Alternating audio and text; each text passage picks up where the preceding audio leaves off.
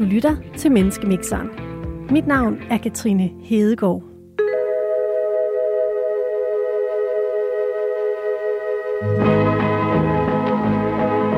En fængselspræst, en realist og en blind kommer ind på en bar. Eller, det vil sige, de kommer ind på en restaurant. Der er det vildt hyggeligt hernede. Skal, der, skal jeg rykke ind, eller hvad? Mit navn er Ruben Fønsbo. Jeg er fængselspræst og far, foredragsholder og forfatter. Der står tre spillemaskiner i hjørnet, der dufter af Paris og bøf, og mågerne synger over bugten. Der var en, der fik jackpot der. Mit navn er Almas Mangesha, og jeg er realist.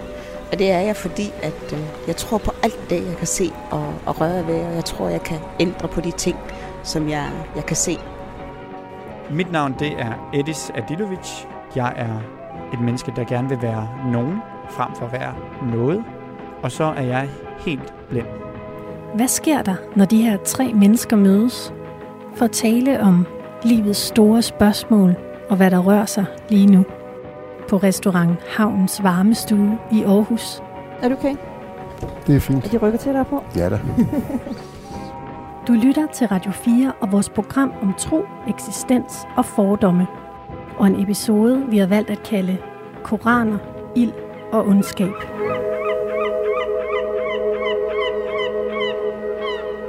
Det er jo et meget hyggeligt sted, det her. Helt vildt.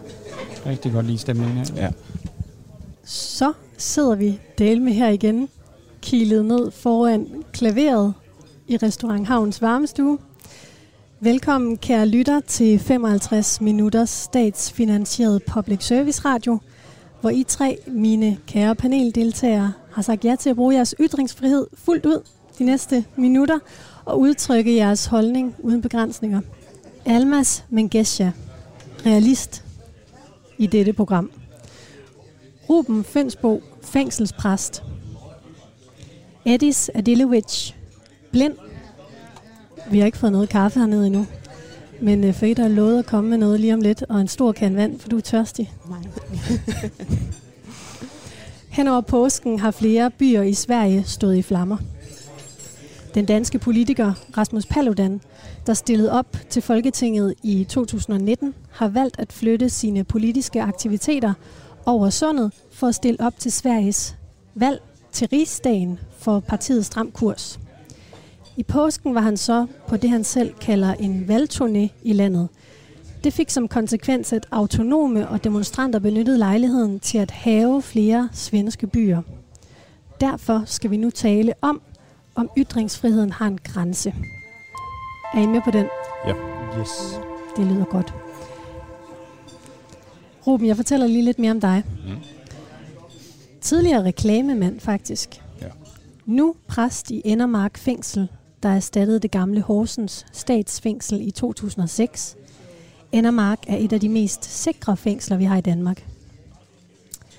Ruben, hvad mener du om det, Rasmus Paludan foretager sig i øjeblikket? Jeg er noget ambivalent, fordi hvis jeg ser på det med reklamebrillerne, som jeg jo nok kan være tilbøjelig til at gøre nogle gange, så synes jeg, det er genialt, det han laver. Uh, hvis jeg ser på det som humanist eller som præst, så synes jeg, det Hvorfor er er, det, hvorfor er det genialt? Det er fordi, han formår at skabe en utrolig opmærksomhed omkring sig selv. Det seneste stunt her lykkedes ham at skabe enorme optøjer, og det har jo den fordel, at det bekræfter, hvad han siger om den målgruppe, han taler om. Uden at han selv var til stede. Han blev væk, og de kom alligevel. Det synes jeg er fantastisk, ud fra et markedsføringsmæssigt synspunkt. Men ud fra et humanistisk synspunkt, synes jeg, det er fælt, det han gør.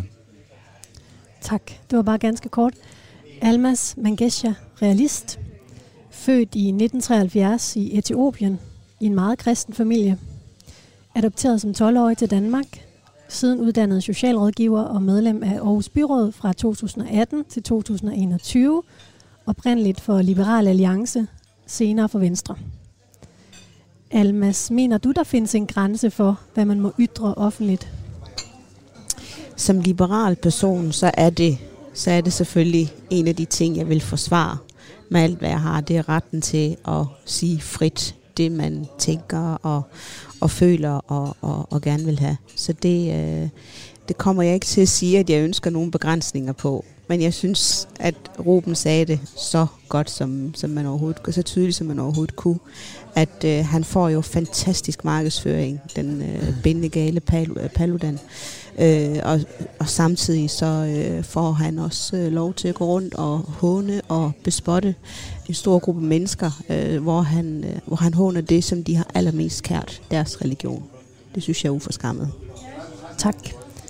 Edis Adelovic, blind, født i Bosnien, blev blind som ganske lille på grund af en sygdom, kom til Danmark som toårig fra en krigszone i Bosnien, bor nu i Odense, kandidat i Human Resource, arbejder til dagligt som IT-konsulent og er lige nu ved at skabe en ny virksomhed, hvor du fokuserer, din konsulentvirksomhed, hvor du fokuserer på at få flere, der lever med et handicap, i job og ind på arbejdsmarkedet. Edis, du kalder dig selv for kulturmuslim. Hvad tænker du om det, der sker i Sverige lige nu? Øh, jeg tænker, at det er, det er, det er frygteligt. Øh, jeg synes, at, øh, at, at, at, at misbruge sin, sin ret til at ytre sig på den måde er, er, er afskyelig. Øh, det, det, minder mig, det minder mig altid, når, når, jeg, når jeg hører man vil sige, de manifestationer, som, som Rasmus Paludan øh, øh, gør sig i, så, så minder det mig altid om, om en, en flok skolebørn, der synes, det er, det er interessant at, at mobbe et andet menneske for, for at få en reaktion ud af det. Og det, det gør, han, gør han mesterligt, desværre. I er tre forskellige mennesker, der kommer fra tre forskellige steder. Og ligesom den gode gamle vidighed, der begynder med en dansker, en tysker og en svensker, der kommer ind på en bar, så mixer vi her i Menneskemixeren hver uge tre helt forskellige mennesker sammen. Og i dag er det jer tre, der er inviteret her. Og inden vi dykker endnu mere ned i dagens første snak om ytringsfrihed, så har jeg taget et raflebær med. Og en liste. Og du skal have noget vand, Almas. Ja. det kommer, det kommer. Jeg håber, den kommer nu. Jeg har taget en liste her, med, øh, den har jeg med hver gang. En liste med livets helt store spørgsmål. Og vi rafler hver uge om, hvilket af de her spørgsmål, vi skal tale om til sidst. Og Almas, vil du ikke starte med at kaste en terning? Jo. Det blev en etter. Ja. Vil du smide raflebæret over til Edis? Undskyld. Tak skal du have. Det er okay. det blev en, altså man kan mærke, det er en femmer. Ja. Tak. Selv tak. Og en sekser. Det er 12 i alt. Tværsummen er 3. Det vil sige, at vi skal tale om, hvad er ondskab? Det står der herude for tretallet på min liste. Spændende spørgsmål. Det er lige et præstespørgsmål. Ja, det er rigtigt. Det er i hvert fald noget, vi diskuterer. Ja, I fængslet. Ja. ja. der summer sådan godt af stemmer herinde. Det er meget hyggeligt. Du lytter til Menneskemixeren på Radio 4, vores program om tro, eksistens og fordomme. Panelet består i dag af Almas Mengesha, realist, Ruben Fønsbo, fængselspræst og Edis Adelovic, blind. Rasmus Paludan er igen i gang med at trykteste grænserne for ytringsfriheden. Denne gang i nogle voldsparate miljøer i Sverige, hvor han har været på valgturné for at brænde koraner af. Den mission har så fået demonstranter og autonome til at sætte ild til endnu mere. Et stort antal biler, busser, en skole, politistationer og politifolk er blevet såret, og en række civile er også blevet ramt. Her på Radio 4 er jeg også vært på et portrætprogram, der hedder Drømmesengen. Det ved jeg ikke, om I har hørt. Hørt om. Det har du hørt om. Det er jeg glad for. Det, det er et program, hvor jeg får en række kendte danskere til at svare på 240 spørgsmål. Og derefter så laver en psykolog, der hedder Charlotte Råby Jacobsen, en personlighedsprofil på de her mennesker. Mm. Og så skriver hun også en række hypoteser, der beskriver, hvordan gæsten opfatter sig selv. Og det bliver så udgangspunktet for samtalen. I april sidste år lavede jeg faktisk et portræt af Rasmus Paludan. Og jeg vil gerne, jeg vil gerne prøve at forstå, hvorfor han handler, som han gør. Og nu skal vi høre et klip fra mit interview med ham. Der er noget i din profil, der viser, at du godt kan lide spænding. Hvor farligt skal det være? Ja, altså helst ikke så farligt, at jeg dør af det, vel? Øhm, Men du bringer tit dig selv ud i situationen, eller dit liv. Du kan jo dø af dit liv, som det ser men det kan alle jo. Ja, det kan alle, men altså, Altså, altså du lever jo øh, et hæsblæsende liv. Jo, jo, jeg, jeg lever et, et, et, et liv med, med mange usædvanlige situationer, kan man sige, og jeg lever et, et, et meget unikt liv, øh, som, som adskiller sig meget fra de fleste andres. Øh, Ville det være kedeligt, hvis du havde øh, et liv som mig, helt almindeligt? Nu kender jeg jo ikke dit liv, men man kan sige, jeg har jo haft et... Jeg har jo aldrig rigtig haft et helt almindeligt liv, fordi kvæg, at jeg altid har været den, jeg er. Jeg tror da, nu har jeg her efteråret været rundt i Europa og været frihedsbruget både i Tyskland og Frankrig, og jeg tror da, det ville øh, efterlade enorme traumer resten af livet for nogle mennesker. Men altså, Ja, tak. men altså, det er jo ikke noget, som... Altså, det var da en spændende oplevelse, vil jeg sige, og... Øh, Jeg læser lidt op for dig her. Du har et stort behov for at udfordre dig selv og søge spænding i en sådan grad, at det kan virke skødesløst. Nej, det synes jeg ikke er rigtigt. Ikke skødesløst, men ikke, altså man kan sige, jeg kan jo ikke sige, hvad det virker, hvordan det virker på andre mennesker. Altså, der er der mange, der måske synes, at, at, øhm, at ytringsfrihed, det er ikke så vigtigt, hvis der er nogen, der kommer til at slå en. Så derfor så skal man ikke sige noget, hvis det resulterer i, at andre mennesker bliver sure på en. Og så er det skødesløst, hvis man siger noget, som resulterer i, at andre mennesker gerne vil slå en eller slå en ihjel. Hvis det er opfattelsen, jamen så kan jeg da godt se, at nogen mener, det er skødesløst, men altså, det synes jeg jo slet ikke. Jeg har jo en helt klar formål med det her, det er at redde danske folk. Altså, så, så på den måde, altså det, at man vil gøre nogle ting for spændingens skyld, behøver, betyder så sandelig ikke, at man vil gøre alt for spændingens skyld, vel? Og der er jo en stor forskel. Set udefra ser det ud, som om du lever et liv, hvor du ofte kommer i konflikt med andre. Nej, det, altså, sådan, ser jeg det, sådan ser jeg det egentlig ikke. Altså, jeg, jeg, jeg ved heller ikke, om jeg lever et liv, hvor jeg ofte kommer i konflikt. Man kan sige, altså hvis man har nogle synspunkter, som er direkte i modstand til en, til en gruppe mennesker, så vil man jo opleve mere korporlig modstand, end andre vil. Jeg tror simpelthen, der, der, der skal meget til, for at jeg bliver overrasket, og derfor så, så er jeg jo meget følelsesmæssigt afbalanceret næsten altid. Og, og der er det jo bare sjovere, hvis man lige pludselig bliver overrasket og ikke ved, hvad der skal ske. Ja, Rasmus Paludan mener altså, det er sjovere, hvis han bliver overrasket og ikke ved, hvad der skal ske. Hvad tænker I, når I, når I hører det her? Overrasker det jer, at det lyder som om, at det er spænding, der i hvert fald er en del af hans drivkraft? Øh, Så jeg kan godt genkende noget af det, men jeg tror bare, at det kommer til udtryk på andre måder i forskellige mennesker. Hvordan kommer det til udtryk hos dig? Jeg går ikke ud og fornærmer hele befolkningsgrupper ved for eksempel at brænde bøger af, for eksempel. Um, jeg har den samme modvilje mod rutine, som han lyder til at have. At der må gerne være en foranderlighed og en udvikling i ting. Og det kan jeg sagtens følge ham i.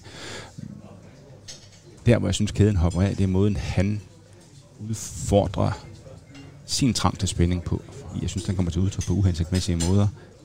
Men Paludan er jo ikke den eneste, der har de her holdninger. De eksisterer jo både i Danmark, Sverige og resten af verden.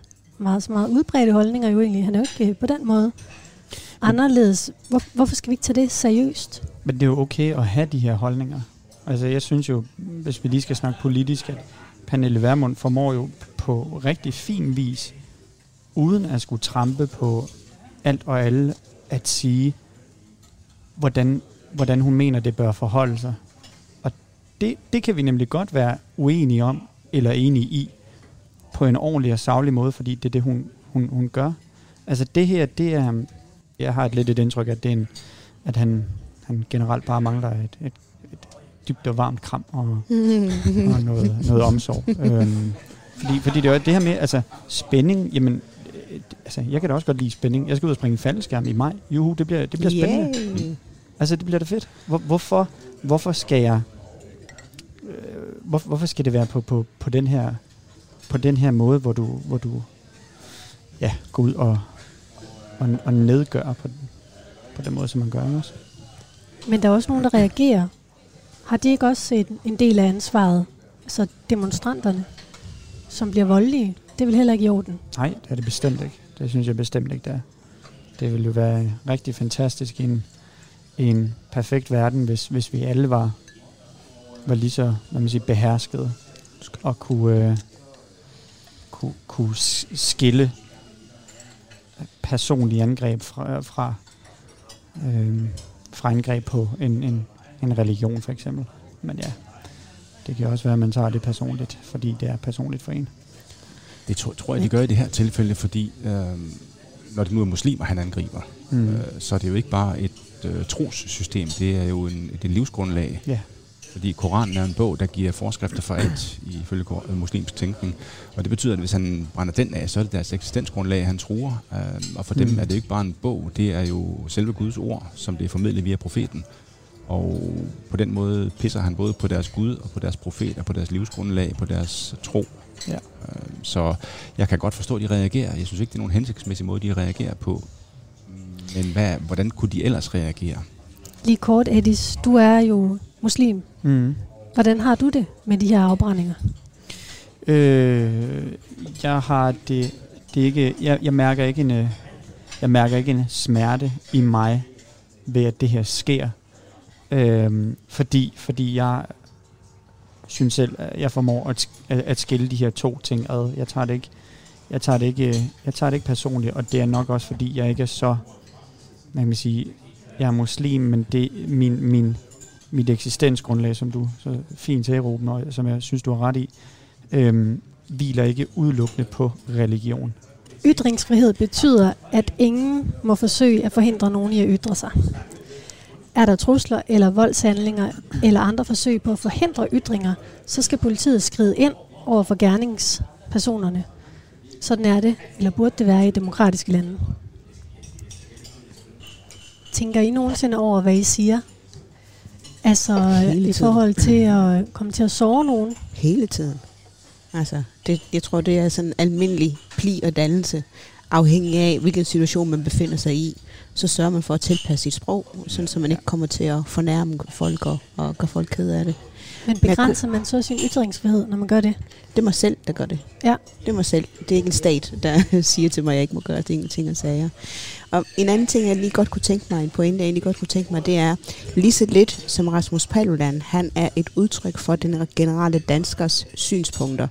Lige så lidt er de der voldspersoner udtryk for et muslimsk øh, syn på, på det, han gør. De der voldsbøller, de repræsenterer ikke den almindelige muslim. Det tror jeg ikke på.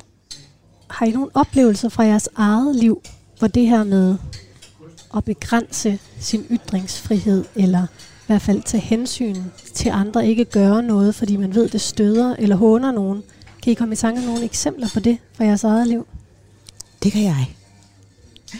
Øhm, jeg kan huske et eksempel, og det står sådan meget tydeligt i min erindring, fordi at øh, reaktionen var så stærk. Øh, jeg har vel været omkring 15 år, og var lige startet på, øh, på en efterskole, hvor øh, vi startede i 8. klasse. Det betyder så, at vi alle sammen var nye elever. Vi kendte ikke hinanden. Vi havde ikke gået der sammen året før. Så vi var alle sammen nye for hinanden. Og så kommer den her søde, rare bamselærer, der hedder Viggo. Han skal være vores dansklærer. Han præsenterer sig for os og fortæller, hvordan undervisningen skal foregå, hvordan han gerne vil have arbejdsklimaet i den her 8. klasse. Øh, og han virker rigtig rar. Og så slutter han øh, præsentationen med at sige, at jeg kan tolerere rigtig meget. Man må mange ting, og man kan altid komme til mig. Men der er én ting, jeg ikke kan tolerere. Og hvis det sker, så vil I se, at jeg forlader lokalet. Jeg siger ikke et ord, jeg forlader bare lokalet. Og nu tegner jeg det den første og sidste gang, siger han så. Så gik han op til tavlen, så tegnede han et, et nazisttegn. Og øh, så sagde han til os, hvis jeg nogensinde ser en af jer lave den her øh, tegning, så bliver jeg så ked af det, at jeg går min vej. Og jeg tror, han har haft en eller anden personlig oplevelse med 2. verdenskrig. Og så kendte vi ligesom rammen, at det var sådan, det var. Så snakkede vi ikke mere om det. Og så gik der noget tid, og så havde øh, en af mine øh, nye klassekammerater, hun, øh, hun var sådan lidt kunstnerisk i det. Hun, hun var ikke sådan så autoritetstro, som, som vi andre var, og hun ville gerne prøve grænser af den slags. Og hun kaldte sig selv også for kunstner. Så jeg sad ved siden af hende, og lige pludselig så kunne jeg se hendes hæfte. Så tegnede hun nazi-tegnet. Lige så stille kunne jeg se, det kom frem i hendes hæfte. Og jeg sad på nåle og tænkte, åh oh, nej, åh oh, nej, nu falder det hele fra hinanden. Og bare Viggo, han ikke opdager det. Og da jeg kigger op, så står Viggo med hans så modige øjne og kigger ned i hendes hæfte. Og mit blod, det, øh, det fryser bare til is, og der er helt stille. Og Viggo, han tager, han siger ikke et ord. Han tager øh, kridtet, med, han havde i hånden, går op til tavlen, placerer det i, i, i kridtholderen, og så udvandrer han. Han siger ikke et ord. Han går bare væk fra undervisningen. Og så sad vi ellers der og kiggede lamslået på hinanden. kunne lige tænke mig at spørge dig om noget, Ruben. Ja. Hvad er det her for dig en historie om? Som I hørte, så er det jo, jeg vil ikke sige, at det er et forsøg på at begrænse folks ytringsfrihed, men det er et forsøg at på at finde nogle rammer, som man kan sameksistere under. Det vil sige, det er også noget, der gælder til hverdag. Jeg har for eksempel hver onsdag formiddag besøg af en gruppe indsatte, som er i et afvendingsforløb. Og der fortæller jeg dem, hvordan jeg gerne vil have tingene. Og de kan egentlig sige, hvad de vil, men de skal opføre sig ordentligt og respektere hinanden. Og Hvad er det for nogle regler, du stiller op der? Jamen det er for eksempel, at når vi diskuterer, så går vi efter emnet og ikke efter manden. Øh, men der er ikke nogen emner, vi ikke kan diskutere. Så man kan sige, at den begrænsning, jeg lægger på ytringsfriheden, det er, at, at, at øh, man skal behandle hinanden omsorgsfuldt og respektfuldt og helst en lille smule kærligt. Øh, og det kan godt ses som en begrænsning af ytringsfriheden på samme måde, som læreren siger, at der er ting, han ikke vil se, eller ting, han ikke vil høre om. Øh, sådan har jeg det også. Det er alt sammen fordi, tror jeg, både i lærerens tilfælde og i mit tilfælde, at det handler om at begrænse øh, risikoen for, at nogen bliver krænket, eller såret, eller skuffet, eller fornærmet. Hvad tænker du om det, Edis, den historie, Almas fortæller? Øhm, altså, jeg, jeg tænker, at det er et, et udtryk for, øhm, at Viggo her kender sig selv rigtig, rigtig godt. Mm. Og, øh, og, det sørger, sørger han for at præsentere til den her klasse Mm. på en, synes jeg, en, en meget, meget ordentlig måde. Øhm, og, og det har jeg personligt meget, meget stor respekt for, når vi kan gøre sådan nogle ting her. Ja. Og så kan du prøve grænsen af, og så, så, så kan vi jo håbe, at når du har prøvet grænsen af, at, at altså jeg, jeg vil håbe, at personen, som har tegnet det her, har fundet ud af, at det var sgu måske ikke så sjovt alligevel. Mm, mm, præcis. Øhm, øh, men, men problemet er, hvis du ikke lærer noget af det, synes jeg, som, som der er nogle mennesker desværre, der, er- som, som, der er nogle mennesker, der ikke lærer noget, så bliver det, så bliver det rigtig svært at have med at gøre, synes jeg. Men når vi nu har et samfund, hvor vi har besluttet, at man må ytre alt, man må også gerne... Men det må du jo ikke. Jeg må ikke gå ind og, og, og, og jeg må ikke gå ind og fornærme majestæten. Jo, det må du gerne. Det må Og majestætsfornærmelse er måske Så længe undtaget, det men ikke er det, vi kalder injurier, som direkte er racistisk eller angriber nogen. Hov, nu kommer der noget mad ind. uha da. Tak. Så jeg vil godt, altså, så kan det være, at jeg har, jeg har misforstået den, men, men så jeg måtte godt stille mig op på, på øh, En ølkasse.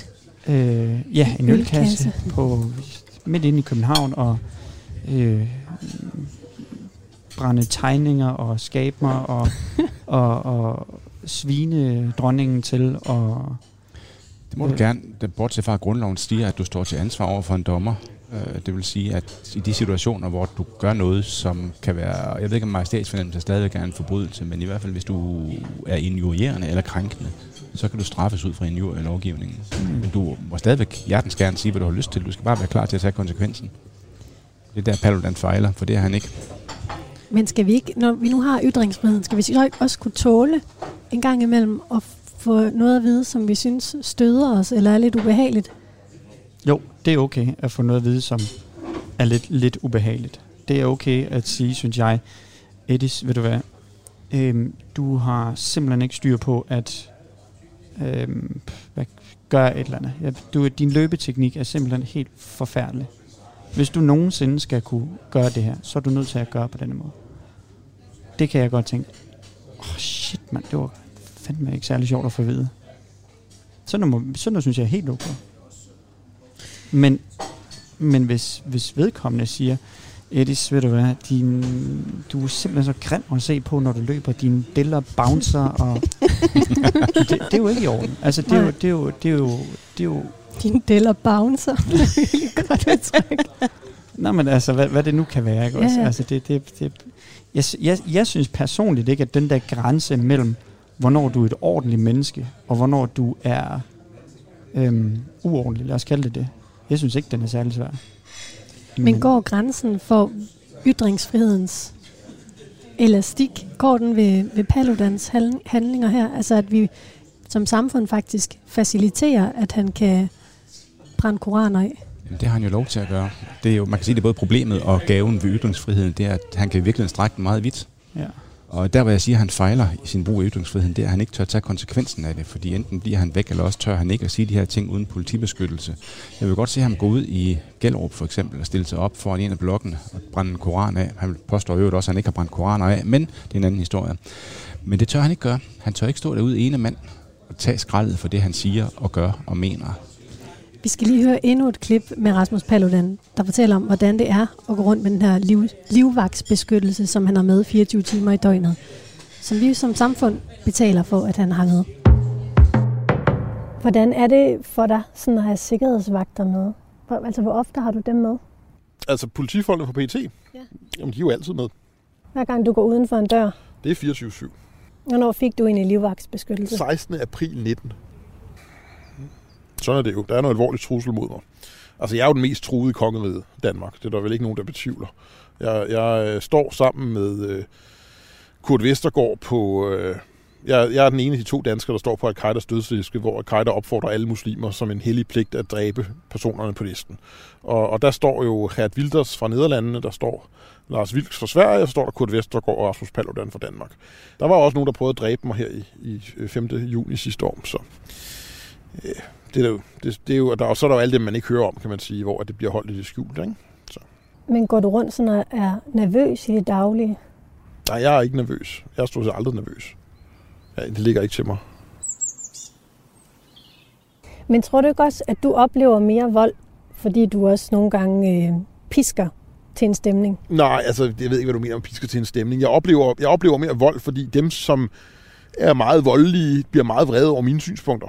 Øh, derfor oplever jeg mere vold. Men du har også nogle gange et sprog, sprogbrug, som provokerer folk. Øh, nogle gange virker det lidt som om, at du, som bliver, du bevæger altid roen, som du siger. Det, det kan jeg virkelig godt følge dig i. Men så i din ro, der får du ligesom snedet øh, nazisvin, eller et eller andet luder, eller homo ind, som så provokerer dine modstandere. Altså kun hvis, kun hvis de har sagt noget lignende til mig først. Okay. Øh, men jeg har gengældt med nogle af de ord. Og det er jo også fordi, jeg øh, simpelthen vil protestere. Hvordan kan man protestere og fortælle folk, at noget, noget de gør er uacceptabelt? Ja, det kan man blandt andet ved at være meget, meget klar og hård i sin sprogbrug. Ytringsfriheden er jo kun rigtig relevant, hvis man siger noget, folk ikke kan lide. Fordi det er jo det, der, det, er jo det, der går ud på. Ytringsfriheden går ikke ud på at beskytte, at man siger noget, som alle folk er enige om. Ytringsfriheden er kun øh, rigtig relevant, hvis man siger noget, som andre ikke kan lide, siger Rasmus Paludan her. Som en af dem, vi bruger millioner af kroner på at beskytte hvert år. På listen over mennesker, der har haft brug for livvagtsbeskyttelse, står også Lars Hedegaard, Pia Kærsgaard, Nasser Carter, Kurt Vestergaard, der ikke er her mere, Flemming Rose og Inger Støjberg. Hvad tænker I om, at vi bruger alle de her penge på at beskytte ytringsfriheden på den her måde? Jeg synes ikke, det er ytringsfriheden, vi beskytter. Det er personer, vi beskytter, og personer, som har plejet letsindig omgang med ytringsfriheden, vil jeg sige. Ikke at øh, der er noget galt i det, men altså, øh, Rasmus Paludan er jo inde på noget med, altså, hvor han, altså, han, han eskalerer en situation, i stedet for at trappe ned, når han siger, at han møder hårdt med hårdt. Hvis nogen kalder ham noget grimt, så svarer han igen på samme måde. Og det synes jeg er en lidt ærgerlig måde at håndtere en konflikt på, eller Det er der mange, der gør. det, er- jamen, det er rigtigt, men det gør ikke tingene rigtige af den grund. Altså, øh, han siger også, og det lader jeg mærke til, øh, han snakker om evnen til at forudsige reaktioner. Og der mener jeg, at, at øh, der er ikke rigtig hold i det, han siger, der, for han ved udmærket, hvilke reaktioner der afsted kommer, det han siger. Han sagde også på et tidspunkt, at han var følelsesmæssigt afbalanceret. Ja, det tror jeg også, han er, fordi han ikke rigtig har nogen følelser at afbalancere. Så han kan ikke sætte sig ind i, hvad det han siger eller gør. Det er din holdning. Jeppes. Altså, det, Jo, jo, jo. Og Ja. den, den må jeg jo sådan set gerne give udtryk for ifølge paragraf det må du 77. simpelthen så gerne.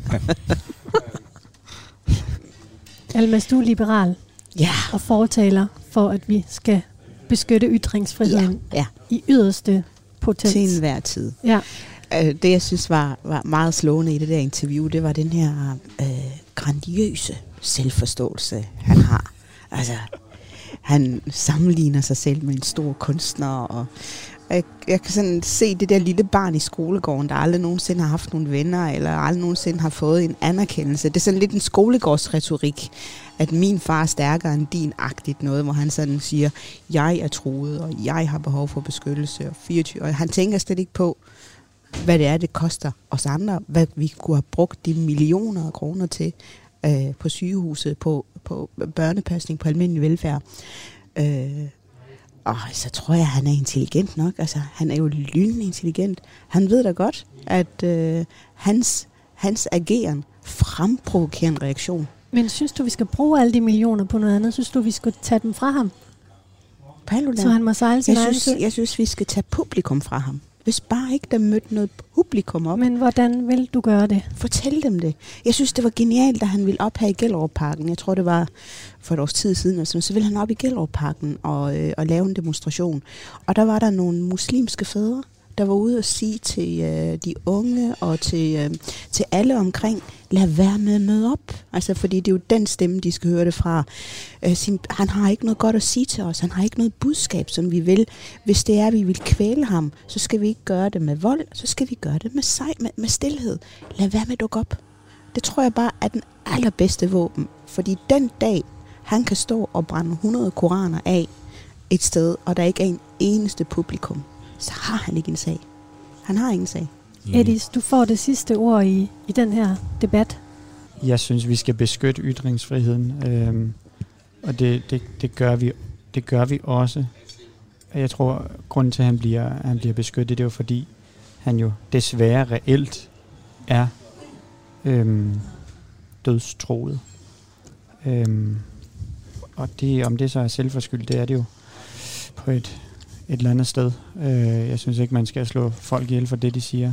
Nej. Men øh, Det minder i hvert fald om borgerkrig, hver gang han tropper op et eller ja, andet sted. det gør det jo desværre. Problemet er jo bare, at der er nogle mennesker, der mener, at det er okay at slå folk ihjel for det, de siger. Øhm, jeg synes, jeg synes, ytringsfrihed skal beskyttes 100 procent. Øhm, Så Rasmus Paludan skal også beskyttes. Der, hvor vi er allermest uenige, der skal vi stå vagt om retten til at sige præcis, hvad man vil. Vi skal bekæmpe meninger med ord, og ikke med vold. det er jeg fuldstændig enig i. Svensk politi har anmeldt Rasmus Paludan for hets mod en befolkningsgruppe. Det har de gjort med henvisning til, at den islam- og indvandrerkritiske politiker flere gange har afbrændt koraner. Vi må følge med og se, om den her anmeldelse den kommer til at flytte lidt på, hvordan i hvert fald svenskernes forhold er til ytringsfriheden. Jeg vil sige mange tak, fordi I vil være med til at tale om det her og dele jeres holdninger. Tak. Der er en eller anden hammer, der banker ind i muren bag ved os. Jeg håber ikke, de forstyrrer dig, kære lytter. Vi kan høre det svagt i vores hørebøffer her. Du lytter til Menneskemixeren, vores program om tro, eksistens og fordomme her på Radio 4. Panelet består i dag af Almas Mengesha, realist, Ruben Fønsbo, fængselspræst og Edis Adilovic, blind. I starten af programmet raflede vi. Vi fik til sammen en træer. Og det vil sige, at vi nu skal tale om det spørgsmål, der står på min liste her, ud fra tretallet, hvor der står, hvad er ondskab? Så den vil jeg faktisk kaste ud i rummet her. Hvad er ondskab? Jeg synes, det er en... Jeg synes, ondskab er en, en bevidst handling, der har til formål at øh, skade andre fundamentalt. Hmm. Hmm, faktisk meget præcist formuleret. Øhm, det, det er sådan, det er sådan jeg, jeg, jeg tænker personligt, at, at ondskab er. Jeg tror, jeg tror til gengæld ikke, der er særlig mange mennesker, der er onde bevidst. Hitler, Breivik, Putin. Jeg snakker nogle gange, eller sagens natur ret tit med nogle af de indsatte på Endermark om netop ondskab. Og jeg har det lidt kontroversielle synspunkt, at, at øh, jeg tror, at uanset hvad man gør, så gør man det af en grund, som man selv synes er god. Og så kan det godt være, at de objektivt set, eller udefra set, virker ondt. Nu nævnte du Hitler, han bliver jo det klassiske eksempel, man trækker frem. Men han gjorde det jo for at skabe et stærkt Tyskland, øh, for at få bugt med arbejdsløshed, øh, for at øh, gøre Tyskland til en statsmagt igen, en stor, stærk magt. Øh, så hans tanker var gode, dybest set og objektivt set, men måden de kom til udtryk på i demonisering af befolkningsgrupper, i forfølgelse og udryddelse af befolkningsgrupper, det er jo så langt ude, så det ikke kan beskrives. Øh, og selvfølgelig er det ondt. Men uanset det. Altså, mange af de mennesker, der sidder i fængsel, de har jo gjort noget, som vi andre synes er ondt, og derfor sidder de der. Men de har gjort det, de kunne i situationen, og det var det, der fungerede for dem i situationen. Og så har det været det bedste, de kunne gøre. Bagefter kan man godt have en anden vurdering af det, og det har de også selv ofte. Men hvis de havde kunnet gøre noget bedre i situationen, havde de formentlig gjort det. Så du mener, at det onde menneske, det findes ikke? Altså, som, uh, som Eddie siger, så er der nok ganske få mennesker, der sådan objektivt set er onde eller gør ondt for ondskabens skyld, men så tror jeg, det er et sygdomsbillede i stedet for. Uh, jeg, har ikke, altså, jeg mener, at ondskab for mig, det er der, hvor der ikke er noget godt. Altså, det er fravær af noget godt. Ikke nødvendigvis en handling, men, men altså, det med, at man ikke rejser sig mod det, der er forkert, det er også en form for ondskab, fordi så accepterer man det, der er forkert. Så der, hvor, hvor det gode er fraværende, det er i virkeligheden der, der er ondskab, som jeg ser det. Jeg, jeg synes, det er jo meget kompliceret. Mm. Enig. det, fordi jeg vil, jeg vil mene, at Anders Breivik er, er et ondt menneske. Han har gjort onde ting. Det er noget andet. Hvorfor mener du, at han er et ondt menneske, Edis? Fordi du går ikke bare ud og slår 70 mennesker ihjel. Jeg synes ikke, det er kompliceret sådan for mig. Han havde en god grund. Og det er retfærdigt, ikke gør, det er retfærdigt gør på ingen måde det, han har gjort. Venlig, du, du synes, at målet helliger middel. Nej, men, nej, nej, det er bestemt ikke det, jeg siger. Jeg skal bare lige være helt sikker. Du, du mener, at han syntes, han havde en god grund. Det, ellers, har, ellers har han ikke gjort det. Du siger ikke, at han har en god grund. Nej. Godt. Bestemt ikke. Jeg, jeg, synes, jeg synes, det han har gjort er uskyldigt, og jeg håber, han aldrig nogensinde kommer ud igen. Men det er, altså, det, det er svært at definere, hvornår et menneske er ondt. Hmm, det synes jeg ikke. Jeg synes, altså i, i starten af Game of Thrones, der uh, siger en af hovedkaraktererne, A madman sees what he sees. Mm. Og det, det synes jeg er meget rigtigt. Det, det gør vi andre også. Ja, det, det er selvfølgelig rigtigt. Men på trods af, at du har en god grund, selv synes du, så kan vi da godt blive enige om, at det er ondt, det han gør. Ja, men det er heller ikke det samme som, at han er ond. Han vil gerne skille personen fra handlingen. Nej, fordi... Ja, okay, det er jo, jeg synes, det er fint, du vil. Mm. øhm, men, men, men jeg synes ikke, at du kan, du kan frelægge dig en, en ond handling fra, fra ondskab i dig selv. Jeg, jeg synes ikke, du kan sige, nu begår jeg en ond handling, men inderst den er god. Det, det tror jeg ikke på. Der kunne jeg godt sådan blive polemisk og sige, at hvis man begår en ond handling, og man ved, at den er ond, så gør man det for at have glæde af det, eller for at bevise en pointe, eller sådan noget. Dermed er det et godt formål. Hvad tænker du om, om det? Jamen, så jeg synes, det er en meget interessant debat, øh, der er der. Jeg, øh, jeg kigger altid. Øh, det er, så snart jeg ser en eller anden vanvittig, uhyrelig, ondskabsfuld handling. Hvad det, det første, være? jeg gør, jamen, jeg har set alt for meget sådan noget true crime her under coronanedlukning, hvor jeg har set forfærdeligt, ham der Ted, øh, et eller andet fra Ted USA. Ja, det er forfærdeligt. Hvad er det? Hvad er det? Ham, det, den skal du se på Netflix. Han ganske var ganske forfærdelig øh, seriemorder. Jeg har set så mange af dem der, og hver evig eneste gang, så går jeg ned i barndommen, fordi det er der, svaret skal findes. Blev de her mennesker født onde? Og eller hvordan udvikler de sig til at blive de her monsterdræbere? Fuldstændig forladt for empati, moral, medmenneskelighed. Og der sker altså noget der. Der er, et, øh, der er en matematik op til, de når til den handling, som, som de laver. Og det er ikke fordi, jeg vil på nogen måde forsvare nogen morder, eller nogen børnemorder, eller hvad pokker det kan være. Men der er altid en grund, og den grund kan findes i deres opvækst. Så jeg har svært ved at se det onde menneske. Jeg, har, jeg kan se et menneske, der bliver ødelagt systematisk så meget, så det til sidst kun kan finde ud af at begå onde ting. Jeg tror heller ikke på, at mennesker bliver født onde. Øh, jeg tror heller ikke, de bliver født gode, så jeg er sådan set enig med dig Alma, at sige, at, at der er en masse ting, der jo former den her, den her ondskab. Ja. Um, og så den vil jeg. Ja, og så vil jeg også lige hurtigt sige, en af grundene til, at, at Danmark og Skandinavien generelt er så man sige, gode steder, succesfulde steder, det er lige præcis fordi, vi har, vi har mennesker, der kan, mennesker som dig, Ruben, der kan få, få løftet ting op på et lidt højere perspektiv, end mm. bare godhed og ondskab. Mm, mm. Hvad der er godt og ondt, er jo ofte kulturbestemt, mm. eller kontekstbestemt. Ja. Præcis. Fordi nu ser vi de fuldstændig afskyelige eksempler på russere, russiske soldater, som voldtager øh, kvinder i Ukraine. Og det gør de af ja, i hvert fald to gode grunde. Den ene er, at de får sex, og den anden er, at de får skabt en kolossal usikkerhed blandt civilbefolkningen og blandt de soldater, som kæmper og ved, at deres kvindelige familiemedlemmer hjemme er i ganske alvorlig fare.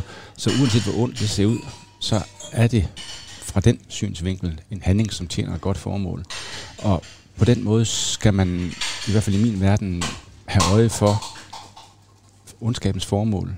Og som du siger også, øh, øh, Almas, øh, dens baggrund. Altså, for der er selvfølgelig en grund til, at man tænker, at det er okay at gøre sådan noget her. Og det kan sagtens være fra barndommen, det kan også være fra en kulturel podning, det kan være fra en politisk øh, opvækst, eller hvad det nu kan være. Og jeg tror, man skal se ting i en kontekst, frem for bare at vurdere at den holdning, som for eksempel, at det, som Breivik har gjort, det er ondt. Jeg vil godt blive enig om, at objektivt set, så ser det meget, meget ondt ud. Mm. Og det er frygteligt for de mennesker, det er gået ud over. Jeg tror, man er nødt til at se det i en kontekst, fordi han har også haft en grund til at gøre det, han gør, og det skal ikke retfærdiggøre eller undskylde det, fordi det er stadigvæk lige afskyeligt, det han har gjort. Ruben, du arbejder i Indermark fængsel. Ja. Det mest sikre fængsel, vi har i Danmark. Ja, et af de to sikreste. Et ja. Mm. Er der nogen i dit fængsel, der definerer sig selv som onde? Nej. Fordi de simpelthen, man kan jo godt være så meget tynget af skyld, Mm. at man føler, man bare gennemgående er et ondt menneske. Jeg har 98 procent af de indsatte ved godt, de har gjort noget forkert. Der er ikke nogen uskyldige dømte. Der er ikke nogen, der hævder, at det er en fejl. Det eneste, de kan klage over, det er strafudmålingen. Nogen synes, de skal være der for længe. Men de står alle sammen ved, hvad de har gjort, og de tager straffen for det, fordi de godt ved, at det, de har gjort, det hører ikke hjemme i samfundets normer. Så er det de sidste 2 procent, som ikke forstår det, de har gjort, eller konsekvensen af det, og det er næsten altid på grund af psykiske problemer af den ene eller den anden mm. art, altså manglende empati, eller en diagnose af en eller anden slags. Men, men der er ikke nogen, der betegner sig selv som onde, fordi de fleste af dem synes, at de havde en god grund til at gøre det, de gjorde. Og så kan man godt sige, jamen hør her, du stak en mand ihjel med en skruetakker. Ja, men jeg var truet af ham, eller han havde haft en affære med min søster, eller et eller andet andet. Altså deres grund har været i øjeblikket det, der var rigtigt for dem. Og de kan ikke se det som ondskab. De kan godt se, at det er forkert, fordi selvfølgelig stikker man ikke en mand ned med en skruetrækker, fordi han har en affære med en søster. Men det var det, de kunne gøre i situationen. Så et eller andet sted, så kan de godt retfærdiggøre over for sig selv, at det, de har gjort, det har en god grund. Og dermed er det ikke ondt. Det er bare ikke det rigtige at gøre i situationen. Hvad så, hvis de gør det igen?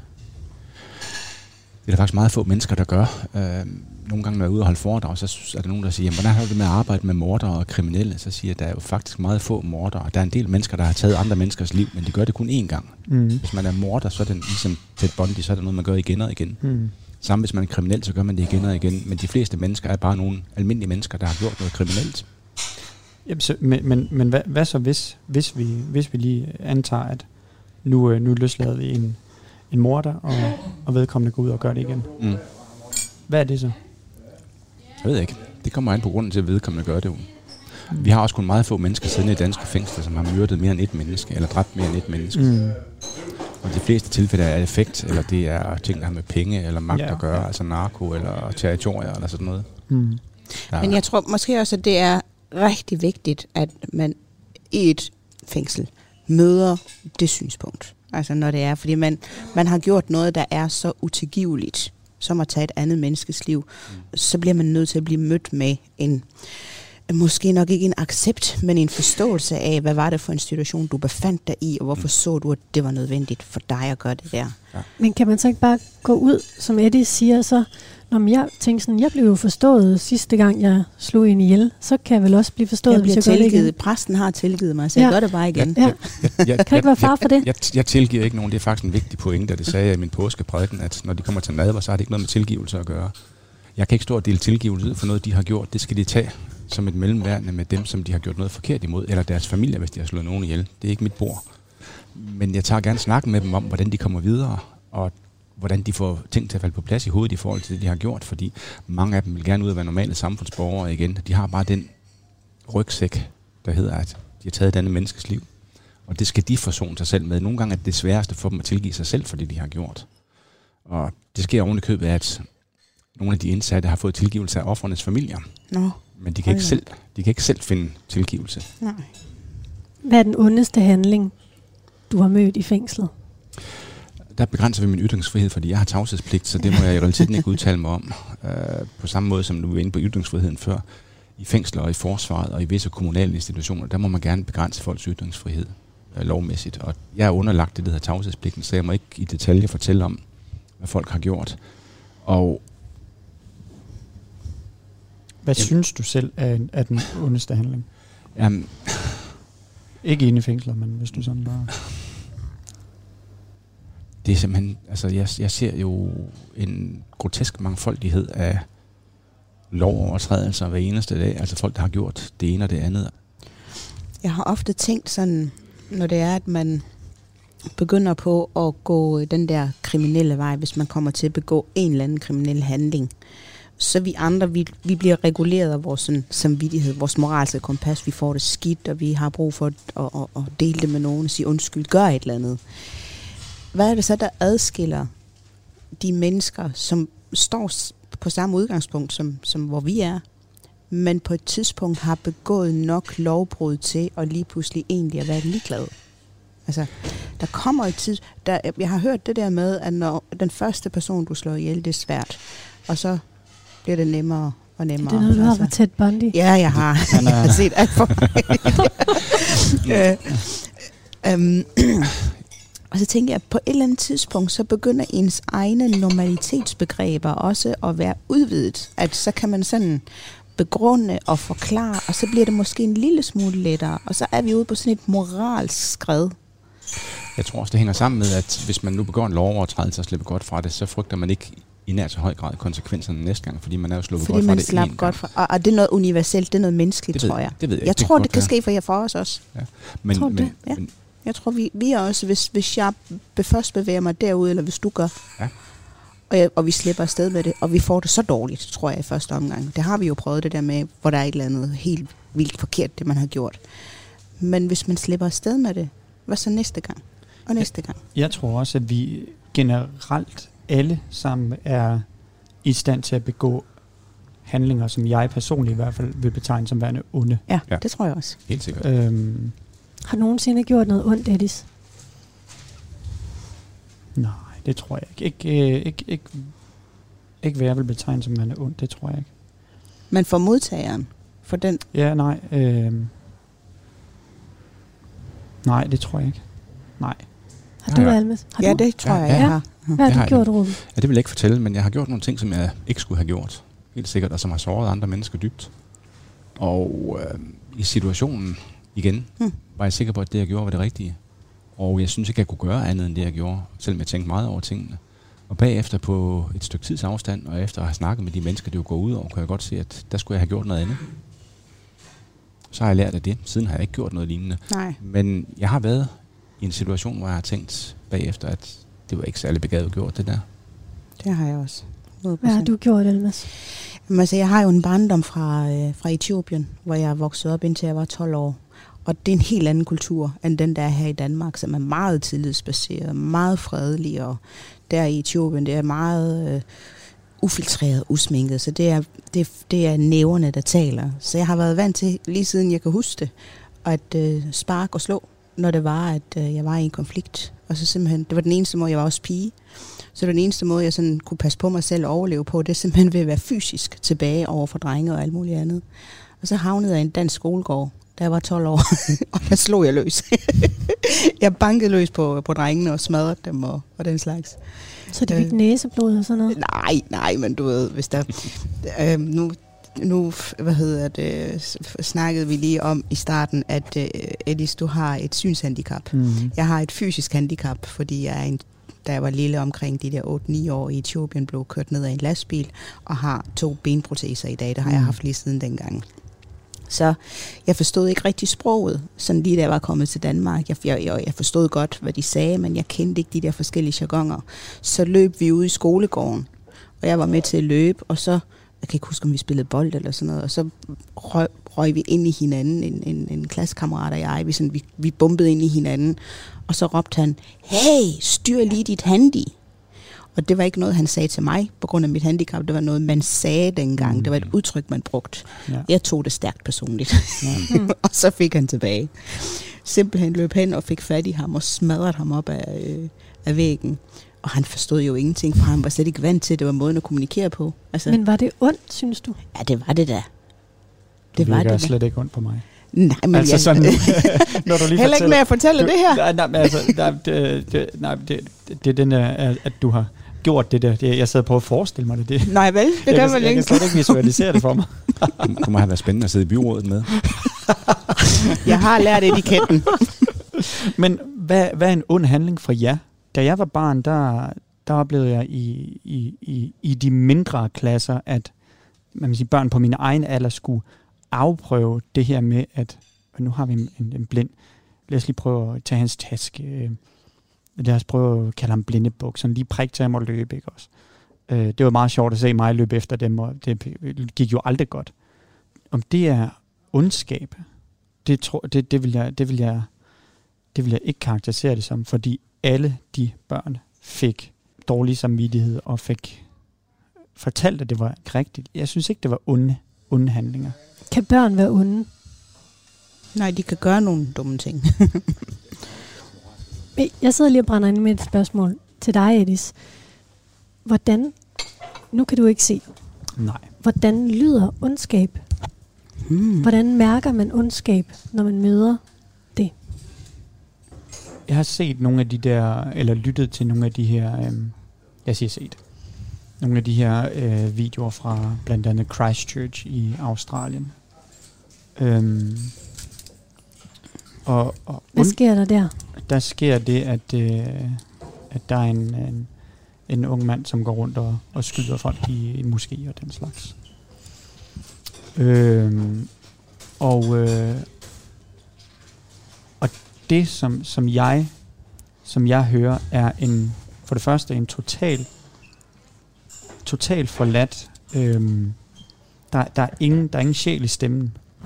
Øhm, jeg, jeg, jeg har svært ved at definere det tydeligere end det, men en, et, et, en fuldstændig kold, følelsesløs, sjæleløs, sjæleforladt stemme. Hmm. Øhm, og det er noget, jeg, jeg, jeg kan høre både på, både på syn, synes jeg, øh, når jeg, når, jeg, når jeg har lyttet til interviews med, med Breivik for eksempel. Øhm, jeg synes heller ikke, der er passion eller, eller engagement for, for, for hans, hans sag. Jeg synes, der er en, en brutalitet og en nådesløshed, Hmm. som man kan høre i, som jeg, jeg hører i stemmen. Jeg, jeg synes, det var en meget grofuld Ja, ja. og skrækkelig måde at slutte programmet på, Ja. men det er faktisk rigtig Meget intens Godt. beskrevet. beskrevet, Ja. Edis. Vi er faktisk kommet igennem dagens program nu. Det har været virkelig spændende at høre jer tale. Jeg har været så spændt på, at I skulle møde hinanden med de her to emner. Vi er kommet vidt omkring. Sindssygt spændende. Det har været fantastisk. Øh, at sidde sammen med to meget, meget intelligente og øh, velreflekterede herrer og få lov til at vende så dybe emner som vores ret til at kunne ytre os, og er vi født onde, eller gør vi onde handlinger. Det har været helt fantastisk opløftende. Jeg synes også, det har været vildt, vildt, vildt spændende. Øh, især også fordi, jeg kan høre, at der er nogle ting, vi er uenige i. Især med det her ondskab. Jeg tænker, vi også sagtens skulle have lavet et program udelukkende om ondskab. Øh, Og så kunne det have udartet til ondskab, hvis ikke vi kunne blive enige. Men jeg synes, det er meget privilegeret at være med i de her radioprogrammer, fordi øh, jeg kommer jo her med alle mine vanetænkninger og mine forestillinger om dette og hint, og så er det rart at blive udfordret en gang imellem af, af nysgerrige, begavede og intelligente og insisterende mennesker. Altså folk, som insisterer på at have deres egen holdning og give den til kende. Øh, det er jeg glad for. Tusind tak, fordi I vil være med. Edis Adilovic, blind. Almas Mengesha, realist. Ruben Fønsbo, fængselspræst. Programmet Menneskemixeren er slut for nu. Tiden er fløjet afsted.